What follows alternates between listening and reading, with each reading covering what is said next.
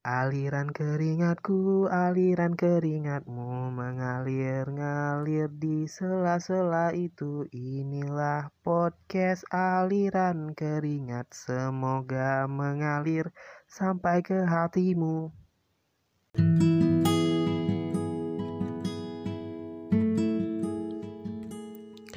Sibuk isi-isi, lupa sana lupa sini, melanjutkan kegiatan pasti tapi lupa dengan kegiatan inti. Restorasi. Kupikir sudah basi. Nyatanya masih nyenyak tidur. Si Fitri tidur lagi-lagi. Ingatan tentang lembayung senja kini mulai sirna seiring hilangnya seorang gadis di sinar terakhir matahari hari ini. Terlukis renyah. Nyatanya sudah tak empuk lagi. Mulai kenyal.